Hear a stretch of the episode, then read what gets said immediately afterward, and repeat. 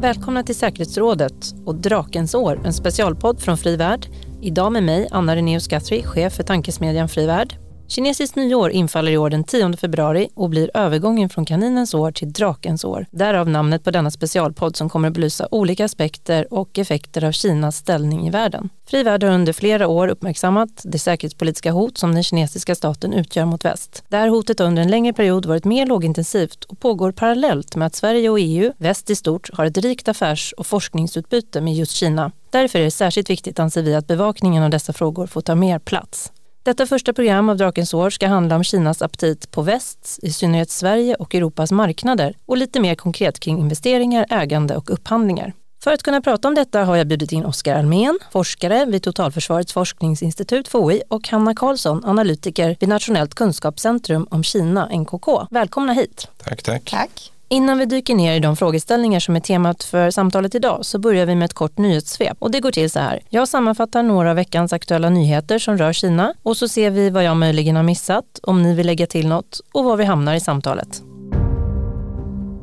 Kinas priser faller i snabbaste takt på 15 år när ekonomin kämpar mot deflation. Nya uppgifter som släpptes i onsdags visar att Mexiko överträffat Kina för att bli USAs främsta källa för officiella importer för första gången på 20 år. Kinas största chiptillverkare SMIC förväntar sig att göra nästa generations smartphone-processorer redan i år, trots USAs ansträngningar att begränsa utvecklingen av avancerad teknologi. Nederländerna anklagar Kina för cyberspionage. Enligt landets underrättelsetjänst ska kinesiska hackare ha placerat skadlig mjukvara i ett nätverk inom deras försvar. Kina kommer hålla gemensamma marinövningar med Iran och Ryssland under de kommande veckorna. En amerikansk ingenjör kontaktade Kina innan han stal missilspårningsteknik. Federala åklagare åtalar nu en ingenjör som arbetade på ett företag i USA för att ha stulit hemlig teknologi som utvecklats för att användas av den amerikanska regeringen i rymden för att upptäcka kärnvapenmissiler. Vad säger ni Hanna och Oskar? Finns det något ur den här mediefloden som rör Kina som ni vill kommentera eller tillägga? Eh, jag skulle vilja ta upp eh, ekonomin i Kina, att den har saktat ner mycket och nu har censuren kring negativ medierapportering om ekonomin ökat dramatiskt. En eh, rolig sida av det nyhetssvepet det är att eh, man har på kinesiska sociala medier eh, börjat skriva om eh, den kinesiska börsmarknaden på amerikanska ambassadens plattform på Weibo okay. som är en, ett kinesiskt socialt medium. Ehm, på en, ett inlägg som handlade om giraffer. Och då har man istället börjat skriva då alla giraffer reser upp och hjälp den kinesiska ekonomin. Varför gör man så? Därför att eh, censuren har blivit så stark att eh, det inte finns några andra utlopp. Att eh, få sin röst hörd, att eh, få visa sin frustration över eh, det kinesiska läget med ekonomin. Så man börjar tala i kodspråk? Ja, och riktat till amerikanska ambassaden bara för att det gick, som jag förstår det. Oskar, är det någonting du har sätt också eller? Nej, jag hade, hade, inte noterat just den nyheten, men, men det är ju ett tecken på, på den utveckling som man sett under en längre tid. Då. Jag menar, kin, kinesiska netizens som jag ser det, de har alltid fått vara försiktiga och, och använda kodspråk, men, men det, det, är som en katt och råtta-lek här där, där eh, eh, medborgarna hittar nya vägar för att uttrycka sig och myndigheterna slår ner på att begränsa dem. Så att, eh, till exempel kan man inte nämna eh, Nalle Puh då i kinesisk på internet för att eh, det, det, man antas syfta då på Xi Jinping. Eh, han, han har jämförts med Nalle Puh. Träffande tycker jag. Och var det någonting annat som har hänt nu i eh, nyheterna den senaste tiden som eh, vi inte tog upp här? Det händer ju saker och eh, Kina recenseras ju på många olika sätt. Eh, Hanna, du ser ut som att du funderar på någonting annat. Jo, eh, på samma, på samma linje kring ekonomin så har ju en domstol i Hongkong beslutat att det stora fastighetsbolaget Evergrande ska likvideras. Och det är en väldigt stor nyhet och var väl någonting som man förväntade skulle komma. Men det har att göra med den här bostadsbubblan som man har pratat om i flera år i Kina. Um, så det, det, är en väldigt intressant utveckling att följa. Oskar, ja. Ja, det finns ju en intressant koppling till Sverige där också. Att Evergrande, eh, ägde tidigare två svenska stora företag. Dels Nevs, då, alltså det, det gamla Saab och även Koenigsegg. Eh, båda de här företagen har man nu sålt. Eh, men det är ett tecken på, eh, på den ekonomiska kris som Evergrande har haft. Då, att man, man har haft eh, ägande, väldigt, ja, väldigt diversifierat ägande, alltså långt utanför fastighetsbranschen. Men har tvingats sälja av stora, stora tillgångar där och det påverkar såklart länder som, som Sverige också. Ja, vi ska som sagt i detta första avsnitt av Drakens år, en specialpodd i säkerhetsrådets regi, göra en djupdykning i det som rör stormakten Kina och dess relationer inte minst till vår del av världen. Fokusera lite särskilt på Kinas närvaro på den svenska och europeiska marknaden. För visst är det korrekt att säga just Kinas närvaro även när det handlar om företagande i det här fallet. Hanna Karlsson, analytiker på NKK. Hur skiljer sig det kinesiska näringslivet från det västerländska?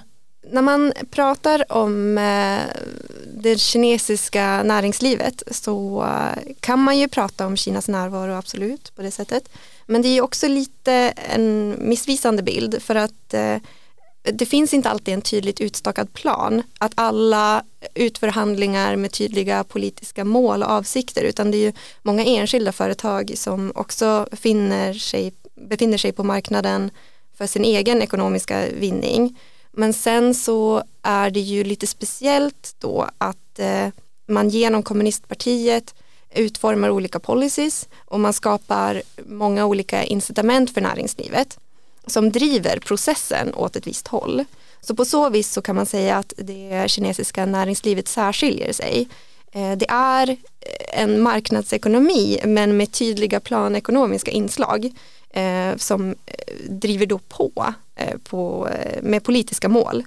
Och eh, det är ju det man också kallar från kommunistpartiets håll att det är en marknadsekonomi med, kinesiska särdrag. Vill du tillägga någonting här Oskar?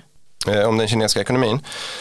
Ehm, nej, jag, jag, lämnar det så länge. Men Oskar, eh, Almén, senioranalytiker som sagt på FOI, forskare. I din rapport från juni i fjol, eh, Kinesiska investeringar i Sverige, en kartläggning, så har ju du granskat hur just Kinas investeringar i Sverige ser ut. Vad kom du fram till?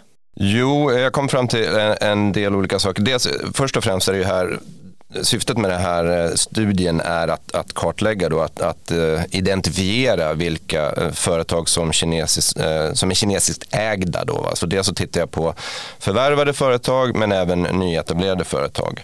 Så att det är en lista då varav det är totalt 90 förvärv och ytterligare ett antal nyetableringar. Då.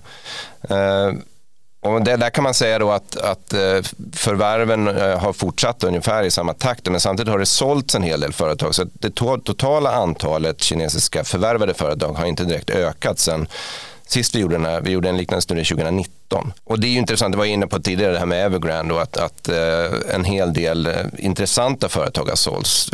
Även Nordic Cinema till exempel då, så, som äger Filmstaden är inte längre kinesiskt ägt och det har man ju länge vetat om då att när man går på bio då så går man på en kinesisk bio i Sverige. Men det gör man inte längre alltså. Men andra har tillkommit som Spotify? Ja, Spotify är också med, sedan tidigare. Då. Och det, det handlar om ett minoritetsförvärv. Vi tittar på både majoritets och minoritetsförvärv och, i det fallet så handlar det om, om, en equity swap då, där, där Spotify fick en andel i eh, Tencent Music. Eh, men det är klart att det, det, var ju, det handlar om väldigt mycket pengar.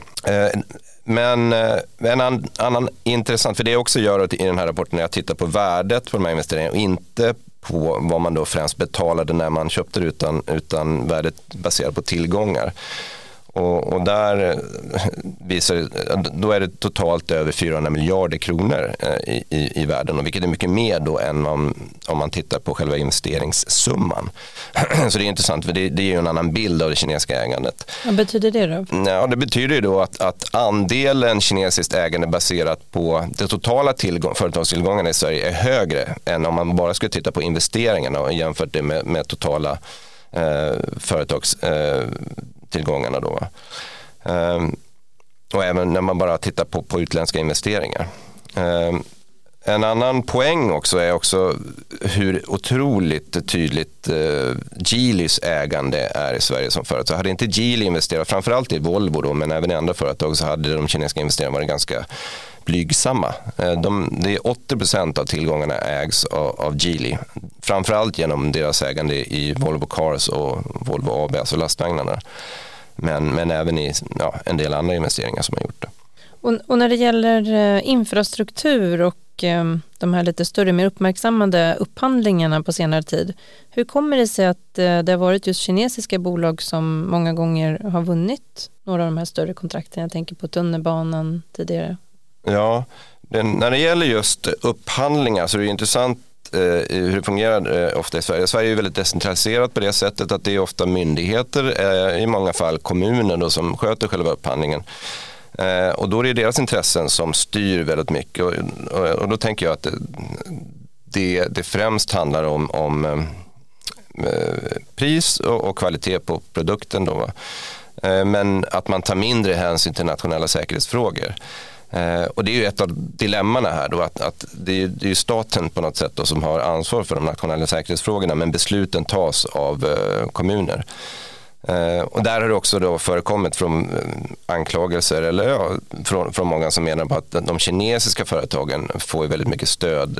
De blir subventionerade från, från den kinesiska staten på olika sätt. Då.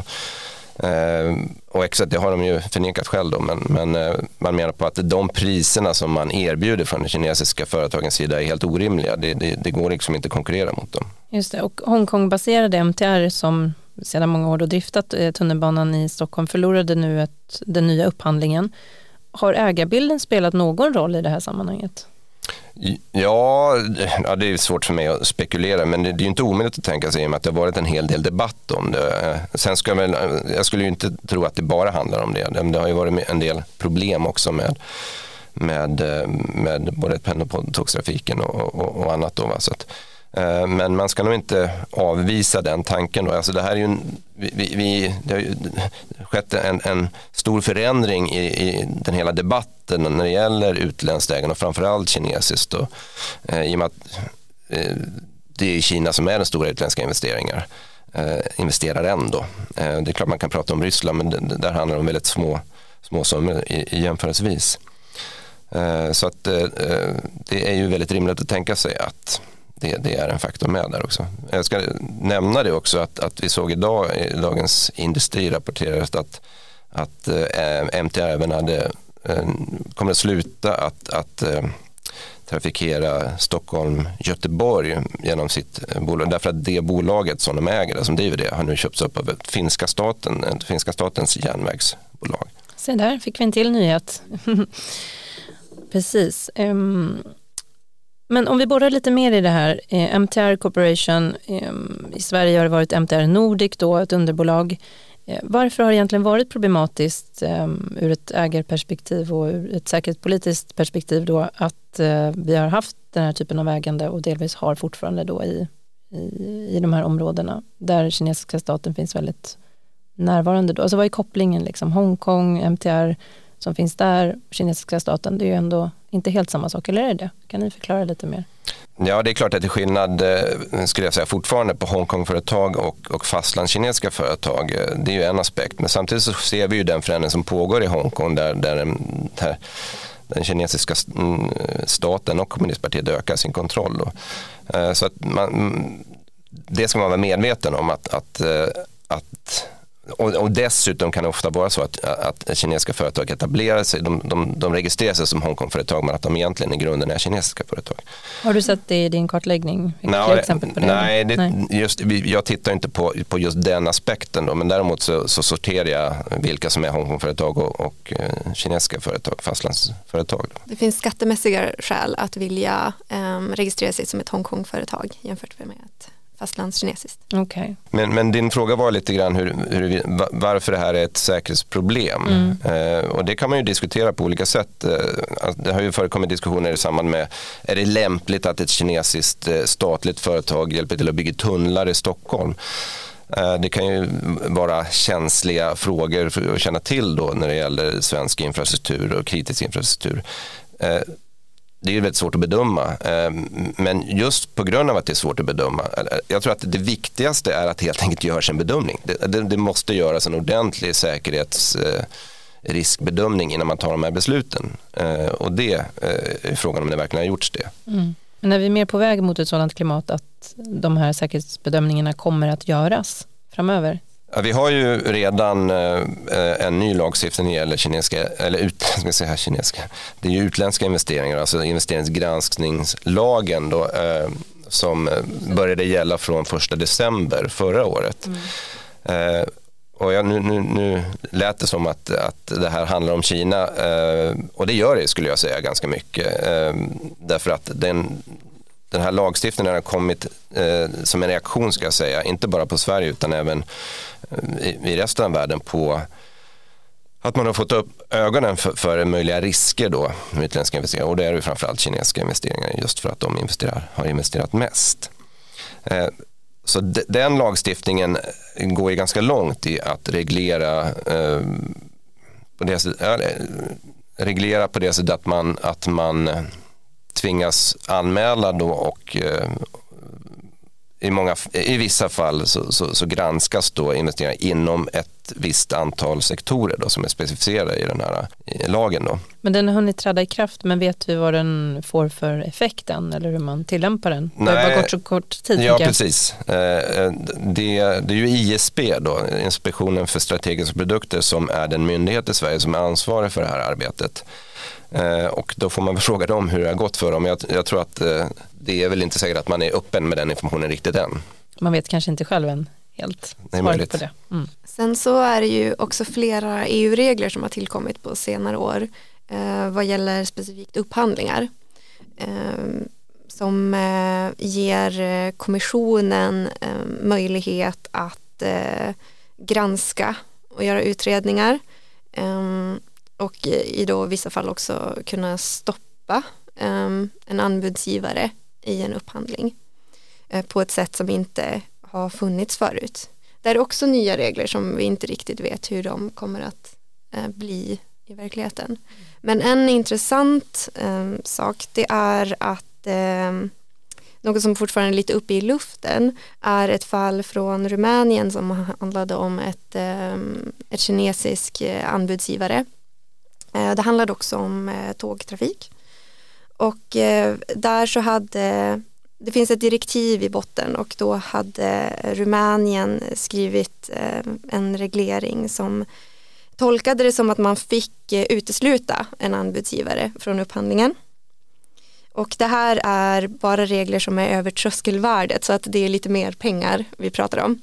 Eh, alltså inte alla eh, upphandlingar. Men eh, den 23 maj 2023 så kom eh, ett eh, förslag från generaladvokaten till ett eh, förhandsavgörande i EU-domstolen om att man får behandla tredje länder som inte är anslutna till WTO-avtalen om upphandlingar mindre gynnsamt än andra länder.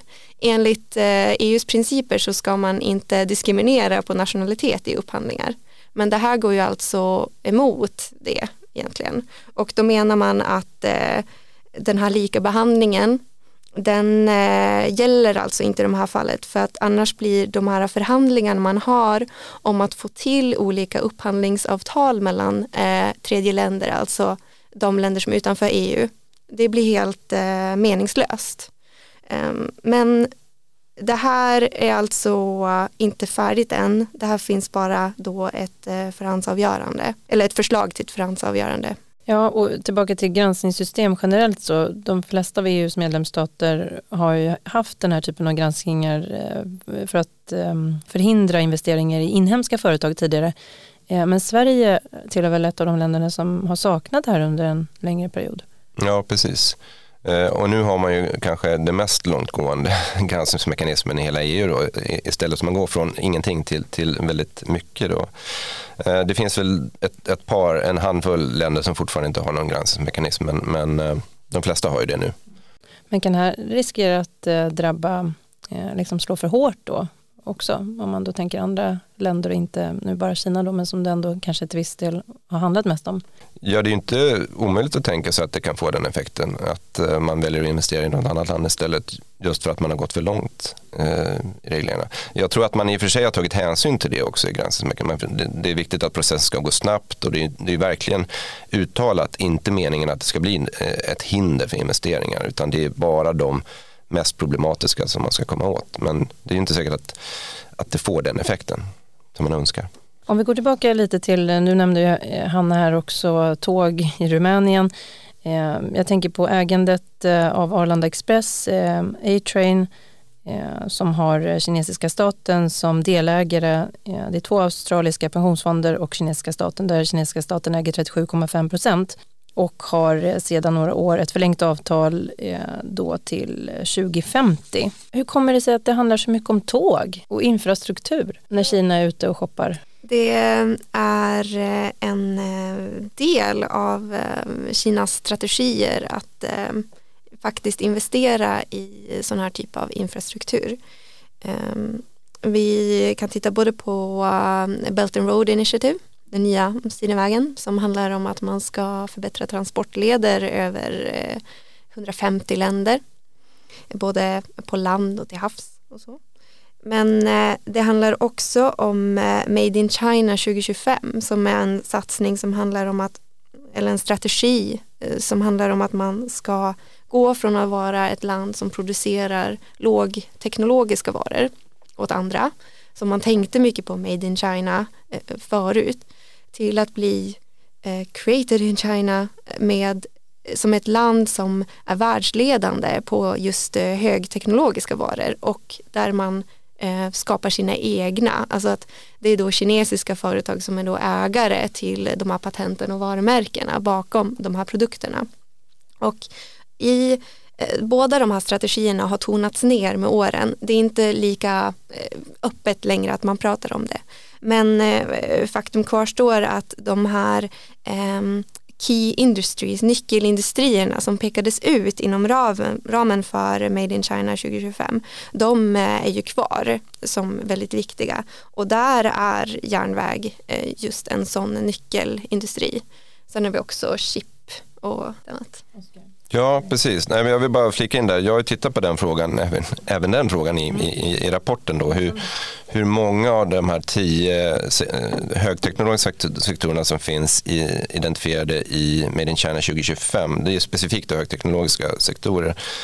Eh, och, och, jämfört då med, med den verksamhet som de förvärvade svenska företagen eh, är verksamma inom. Och, och då hittar vi då en, en ska säga, eh, att det samman stämmer, eh, sammanfaller i, i uh, ungefär 60 procent av fallen. Alltså de, de svenska företag som är förvärvade är verksamma inom de här tio sektorerna i 60 procent av fallen.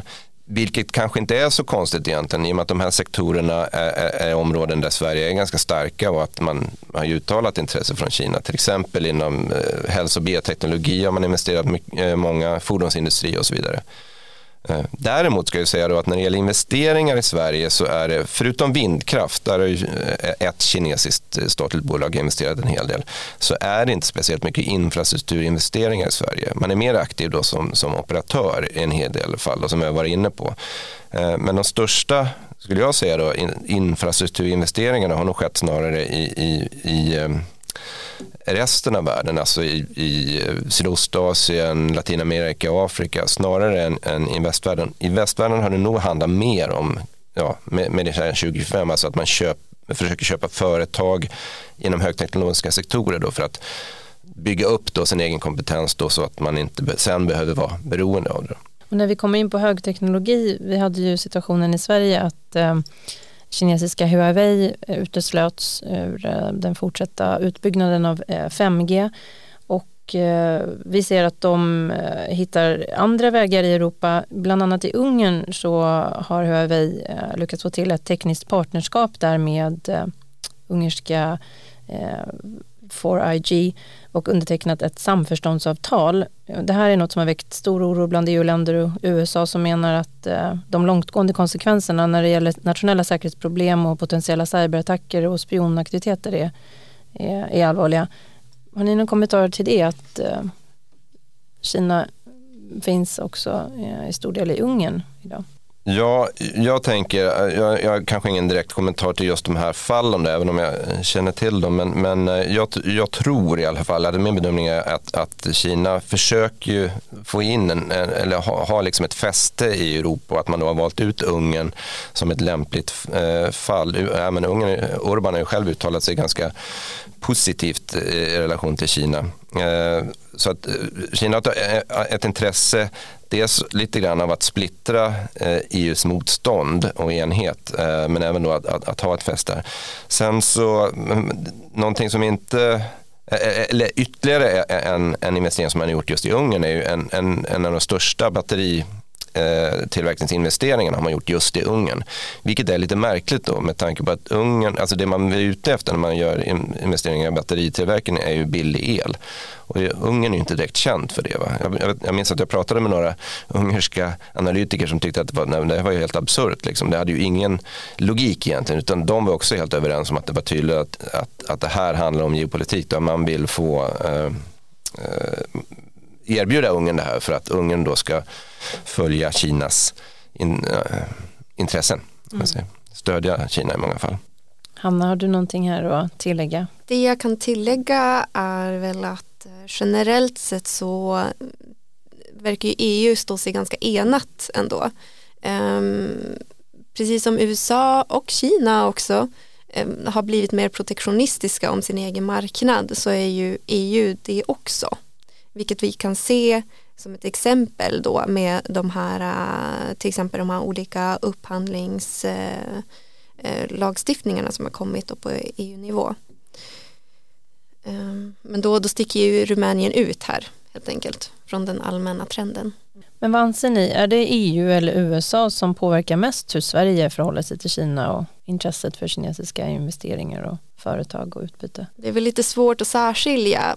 Vi är ju i en global värld, en global ekonomi där allting spelar in på varandra. Men eh, jag skulle ändå vilja sticka ut hakan om det är att sticka ut hakan och säga att ändå EU spelar kanske lite mer roll för att eh, vi eh, är ju en medlemsstat i EU och eh, ska eh, agera ut efter de regler som EU beslutar om. Ja, jag håller med på det viset att, att eh, den direkta påverkan är, nog mer eh, tydlig när det gäller EU.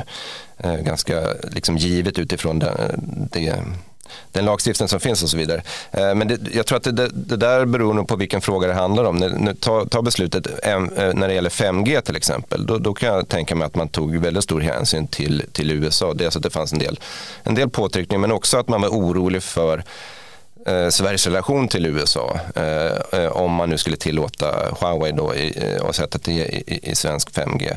Eh, där har ju inte EU haft samma position riktigt. Att man har drivit en hård eh, Där har man tillåtit mycket mer variation men Sverige valde ändå en ganska hård väg.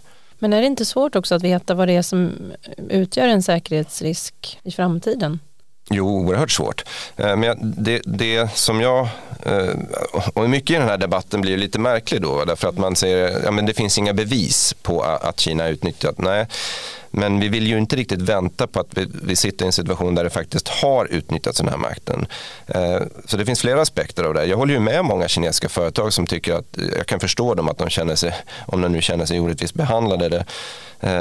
Men Eh, problemet ligger ju inte hos företagen i sig utan det ligger hos den kinesiska partistaten. Då, att de blir allt mer klåfingriga och, och eh, har, säger väldigt tydligt och eh, uttalat sina ambitioner och vad man är ute efter. Och då är det inte så konstigt att man reagerar från väst. Då. Sen så hamnar många kinesiska företag i kläm däremellan. Vad, vad spår ni för framtiden då? Hur kommer relationen till Kina att fortsätta utvecklas? Ja, ja men eh, det tycks ju bli eh, Sverige, EU, USA, Kina alla tycks ju bli mer och mer protektionistiska och eh, nationalistiska på det sättet om sin egen marknad. Ehm, I Kina till exempel så eh, har de ju nu också en policy som handlar, som heter Buy Domestic ehm, som då handlar om att man just ska köpa inhemska produkter och man gynnar ehm, produkter och delar i produktionskedjan som är gjord inom landet. Så om det är ett företag som verkar i Kina och de måste importera varor så kommer inte de gynnas lika bra som ett företag som har alla råvaror på plats redan. Och eh, det är väl någonting som alla länder har eh, funderat på lite nu. Så vad händer om eh, den här eh, handelskedjan bryts? Eh, vad gör vi då? Eh, står vi utan viktiga varor? Det är någonting som blev väldigt tydligt med Ukraina-konflikten också med eh, priserna på mat till exempel. Nej, men vi, ser, vi ser ju redan nu dels ett, en minskning av kinesiska investeringar i, i väst överhuvudtaget då, eh, när det gäller världen. Och det, är ju, det, det, det såg man redan 2016-2017 och det är ju framförallt från den kinesiska sidan att man, att man var tvungen att, att, att, dra i bromsen lite grann för många av de här investeringarna som ansågs för eh, vidlyftiga. Eh, men sen har det också då eh, kommit som en konsekvens av, av motreaktioner från, från väst. Så det, det är väl rimligt att anta att det kommer att fortsätta att, att den här köp Eh, glädjen från kinesiska sidan eh, Och nu ser vi snarare istället då ett, ett ökad eh, nyetablering när det gäller till exempel batteritillverkning. Och det här skulle jag säga avspeglar också att Kina kanske inte har samma behov av att köpa upp företag utan man har, man har byggt upp så mycket egen kapacitet nu och nu behöver de här företagen som batteritillverkningsföretag eller bilföretag etablera sig i, i, i väst istället. Då, Så att det skiftet eh, ser vi då. Eh, sen så tänker jag att vi ser ju också den, den här eh, frånkopplingen eller frikopplingen, vad man nu kallar det, översätta decoupling, den, den pågår också. Eh, och eh, det kommer ju helt säkert att, att, att eh, bli mer tydligt då att, att eh, båda sidorna kommer att försöka skydda fram, ja, de mest känsliga sektorerna. Så frågan är väl liksom hur långt det här går då. Eh, jag tänker väl att rimligtvis så kommer man ändå fortsätta ha en, del, en hel del ekonomiskt eh, utbyte i termer av både handel och eh, en del investeringar när det gäller det som, är o, det som inte är så riskabelt. Just för att de ekonomiska eh, intressena är så pass eh, stora. Det handlar ju om enorma summor pengar. Så att, det ligger ju inte i någons intresse att man stänger av det helt. Och med det avrundar vi dagens samtal med Oskar Almen och Hanna Karlsson. Tack så mycket för att ni kom hit idag. Du har lyssnat på en podd från Tankesmedjan Fri Värld. Drakens år som vi kallar denna specialpodd, det är en utvidgning av säkerhetsrådet som jag, Anna Renéus Guthrie, leder tillsammans med Patrik Oksanen. För dagens research står Astrid Nord. Podden finns där poddar finns, så prenumerera gärna så att du inte missar nästa avsnitt. Tack för att ni lyssnat.